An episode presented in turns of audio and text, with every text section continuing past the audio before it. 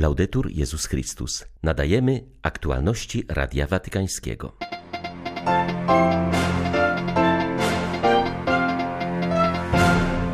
Prawdziwy sens inkulturacji Ewangelii polega na tym, że przyjmuje ona konkretną kulturę oraz mówi o Chrystusie w tej kulturze, powiedział papież podczas audiencji ogólnej. Franciszek zatwierdził cud za wstawiennictwem Jana Pawła I.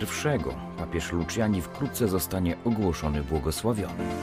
Kardynał Szemborn uważa, że to bogate kraje poprzez handel bronią i eksploatację surowców ponoszą największą odpowiedzialność za zjawisko migracji w świecie. 13 października witają Państwa Krzysztof Bronk i ksiądz Krzysztof Ołdakowski. Zapraszamy na serwis informacyjny. Nowość życia otwiera nas na przyjęcie każdego ludu i kultury, a jednocześnie otwiera każdy lud oraz kulturę na większą wolność. To zdanie wypowiedział papież podczas dzisiejszej audiencji ogólnej. Kontynuując cykl katechez w oparciu o list do Galatów, Franciszek stwierdził, że jesteśmy wolni, ponieważ zostaliśmy wyzwoleni przez łaskę i przez miłość, która staje się najwyższym oraz nowym prawem życia chrześcijańskiego. Ojciec Święty zauważył, że dla świętego Pawła przyjęcie wiary nie oznacza wyrzeczenia się istoty kultury i tradycji. W powołaniu do wolności odkrywamy prawdziwe znaczenie inkulturacji Ewangelii. Jaki jest prawdziwy sens tej inkulturacji? To zdolność do głoszenia dobrej nowiny Chrystusa Zbawiciela, szanując wszystko, co jest dobre i prawdziwe w kulturach. Nie jest to łatwe.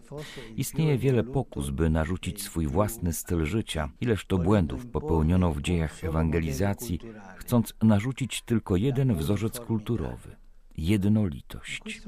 I ta jednolitość jako zasada życia nie jest chrześcijańska. Jedność tak, jednolitość nie. Czasami nie wyrzekano się nawet przemocy, aby zwyciężył własny punkt widzenia. Jest to jednakże dokładne przeciwieństwo wolności chrześcijańskiej Franciszek zaznaczył, że wizja wolności świętego Pawła jest w pełni oświecona i wzbogacona przez tajemnicę Chrystusa, który we wcieleniu zjednoczył się z każdym człowiekiem. Stąd wynika powinność poszanowania pochodzenia kulturowego każdej osoby, umieszczenia jej w przestrzeni wolności, która nie byłaby ograniczona wskazaniami narzuconymi przez jedną kulturę kulturę. Kultura natomiast ze swej natury podlega ciągłym przemianom. Pomyślmy, jak jesteśmy powołani do głoszenia Ewangelii w tym momencie dziejowym wielkich przemian kulturowych, gdzie zdaje się dominować coraz bardziej zaawansowana technologia. Gdybyśmy domagali się mówienia o wierze tak jak w minionych wiekach, groziłoby nam, że nie będziemy zrozumiani przez nowe pokolenia. Wolność wiary chrześcijańskiej nie wskazuje statycznej wizji życia i kultury, lecz wizję dynamiczną. Pan wyzwolił nas z niewoli za darmo i postawił nas na drodze, aby podążać nią w pełnej wolności. Papież po audiencji przypomniał, że dzisiaj wspominamy ostatnie objawienie Matki Bożej Fatimskiej niebieskiej Matce powierzył wszystkich, aby towarzyszyła z macierzyńską czułością na drogach codzienności i była umocnieniem w różnych próbach życia. Do Polaków Ojciec Święty powiedział: Pozdrawiam serdecznie wszystkich Polaków. W tym tygodniu przypadają rocznica wyboru świętego Jana Pawła II oraz wspomnienia liturgiczne świętego Jana XXIII, świętej Teresy z Awili i świętej Jadwigi Śląskiej. Ich życie jest wyraźnym przykładem wolności chrześcijańskiej, Niech doświadczenie tych świętych przypomina Wam, że nie ma wolności bez odpowiedzialności i bez umiłowania prawdy, a najwspanialszym wypełnieniem wolności jest miłość, która urzeczywistnia się w służbie. Serca Wam błogosławię. Statua Chrystusa Zbawiciela nad Rio de Janeiro, jego otwarte ramiona w nieustannym wołaniu o pojednanie stanowi zaproszenie do braterstwa. Czytamy w papieskim przesłaniu z okazji 90. rocznicy powstania tej monumentalnej figury, która stała się symbolem tego brazylijskiego miasta. Papież podkreśla, że niezależnie od poziomu wykształcenia czy zamożności, wszyscy ludzie mają coś do wniesienia w budowaniu ludzkiego braterstwa. Nikt nie powinien stać założonymi rękami, ale raczej otworzyć ramiona dla wszystkich, tak jak czyni to odkupiciel. Franciszek przypomina, że to przede wszystkim Chrystus jest tym, który nas wszystkich przyjmuje. On żyje w tym mieście i zaprasza was, abyście zbliżyli się do Niego, ponieważ będąc blisko Niego, będziecie blisko siebie nawzajem, dodaje papież. Papież upoważnił kongregację spraw kanonizacyjnych do ogłoszenia dekretu uznającego cud przypisywany wstawiennictwu Jana Pawła I. Oznacza to, że zostanie on niebawem ogłoszony błogosławionym Kościoła. Z tej okazji wywiadu papieskiej rozgłośni udzieliła Pia Luciani, bratanica uśmiechniętego papieża. Zawsze uważaliśmy go za świętego już za życia, stwierdziła krewna Albina Lucianiego. Mawiał, że trzeba trzymać się nisko, bo każdy z nas ma swoje ograniczenia i wady, które oczywiście trzeba starać się eliminować. W herbie biskupim miał słowo pokora. Ta postawa była centralna w jego życiu. Chociaż był wyjątkowo utalentowanym człowiekiem wielkiej kultury, zawsze był w cieniu. Gdy podczas jednego z ważnych ważnych spotkań niepokojono się, dlaczego patriarchy Wenecji jeszcze nie ma, odkryto, że siedział z tyłu sali z różańcem w ręku. Spodziewano się raczej, że przyjedzie samochodem z wielką pompą, a on czekał w spokoju na rozpoczęcie, modląc się. Myślę, że dziś powiedziałby Kościołowi, nawet jeśli inni nie zawsze są z Tobą zgodni, staraj się dla nich być, staraj się kochać ludzi. Papież Franciszek wyniesie do chwały ołtarzy dwóch kapłanów, którzy ponieśli męczeńską śmierć, głosząc Ewangelię argentyńskim Indianom. Są to żyjący w XVII wieku ksiądz Pietro Ortiz de Zarate, argentyński kapłan diecezjalny i wdowiec, oraz ojciec Giovanni Antonio Solinas, włoski jezuita. Ich męczeństwo zostało oficjalnie uznane w zatwierdzonych przez papieża dekretach Kongregacji Spraw Kanonizacyjnych. Inną postacią, której dotyczą ogłoszone dziś dekrety, jest siostra Magdalene Utę, założycielka Zgromadzenia Małych Sióstr Jezusa. W młodości zainteresowała się historią Charlesa de Foucault. Wyjechała do Algierii, gdzie prowadziła dom dla ubogich w 1939 roku założyła pierwszą wspólnotę nowego zgromadzenia. Łączyła ją głęboka przyjaźń z Pawłem VI i Janem Pawłem II. Jesteśmy strażnikami tradycji i jej piękna, które wyraża się podczas papieskich liturgii.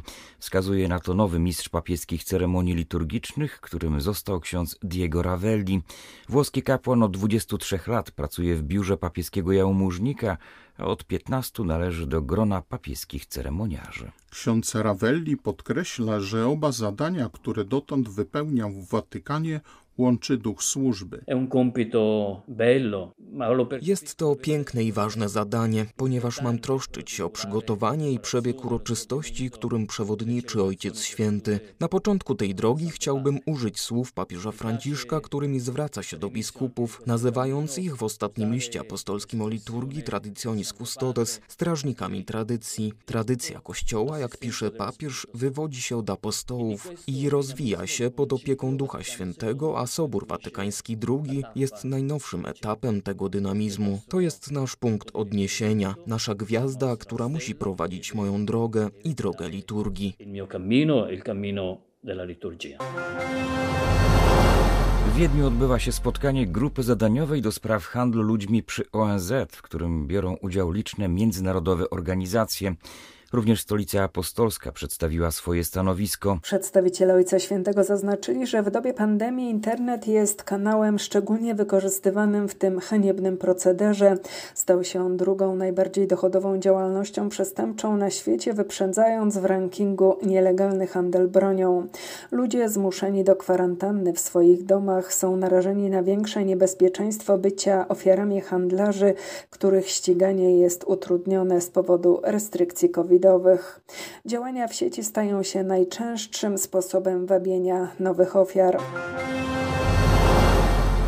Papież obrał nową formę synodu biskupów, abyśmy zrozumieli, co Bóg chce nam powiedzieć przez doświadczenia współczesnego człowieka. Wskazuje na to kardynał Christoph Schemborn, który przebywał w Rzymie jako delegat Kościoła Austriackiego na rozpoczęcie procesu synodalnego. Metropolita Wiedeński przypomina, że papieżowi bardzo zależy na tym, by synod nie był rozumiany na sposób świecki jako swoisty parlament. Tu nie chodzi o robienie sondaży i kierowanie się opinią publiczną, lecz o wsłuchanie się w doświadczenia ludzi, podkreśla kardynał Szemborn. Rozmawiając z Radiem Watykańskim, odniósł się również do niedawnej inicjatywy dwunastu krajów Unii Europejskiej, w tym również Austrii, które wnioskują o skuteczniejszą ochronę granic przed napływem migrantów. Zdaniem metropolity wiedeńskiego takie środki nie zdają egzaminu.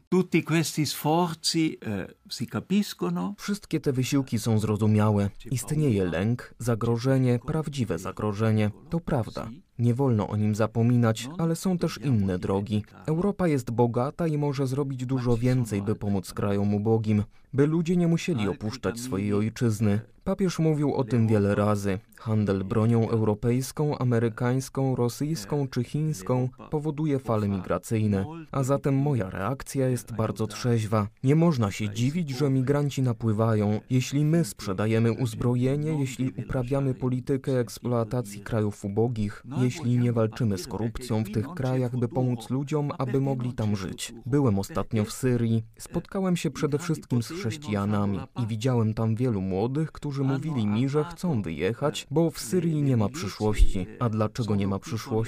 Bo możni nie chcą zaprowadzić pokoju. Uzbroili bojowników, zamiast zaprowadzić pokój i pozwolić tym ludziom tam żyć, a może też powrócić do ojczyzny. Czy możemy się dziwić, że przychodzą do nas uchodźcy? Jaka jest nasza rola w generowaniu uchodźców? Qual è il nostro ruolo nella produzione dei profughi?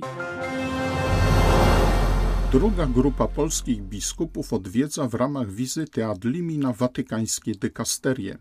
Dzisiaj przed południem odbyły się spotkania w Kongregacji Edukacji Katolickiej oraz w Radzie do Spraw Nowej Ewangelizacji.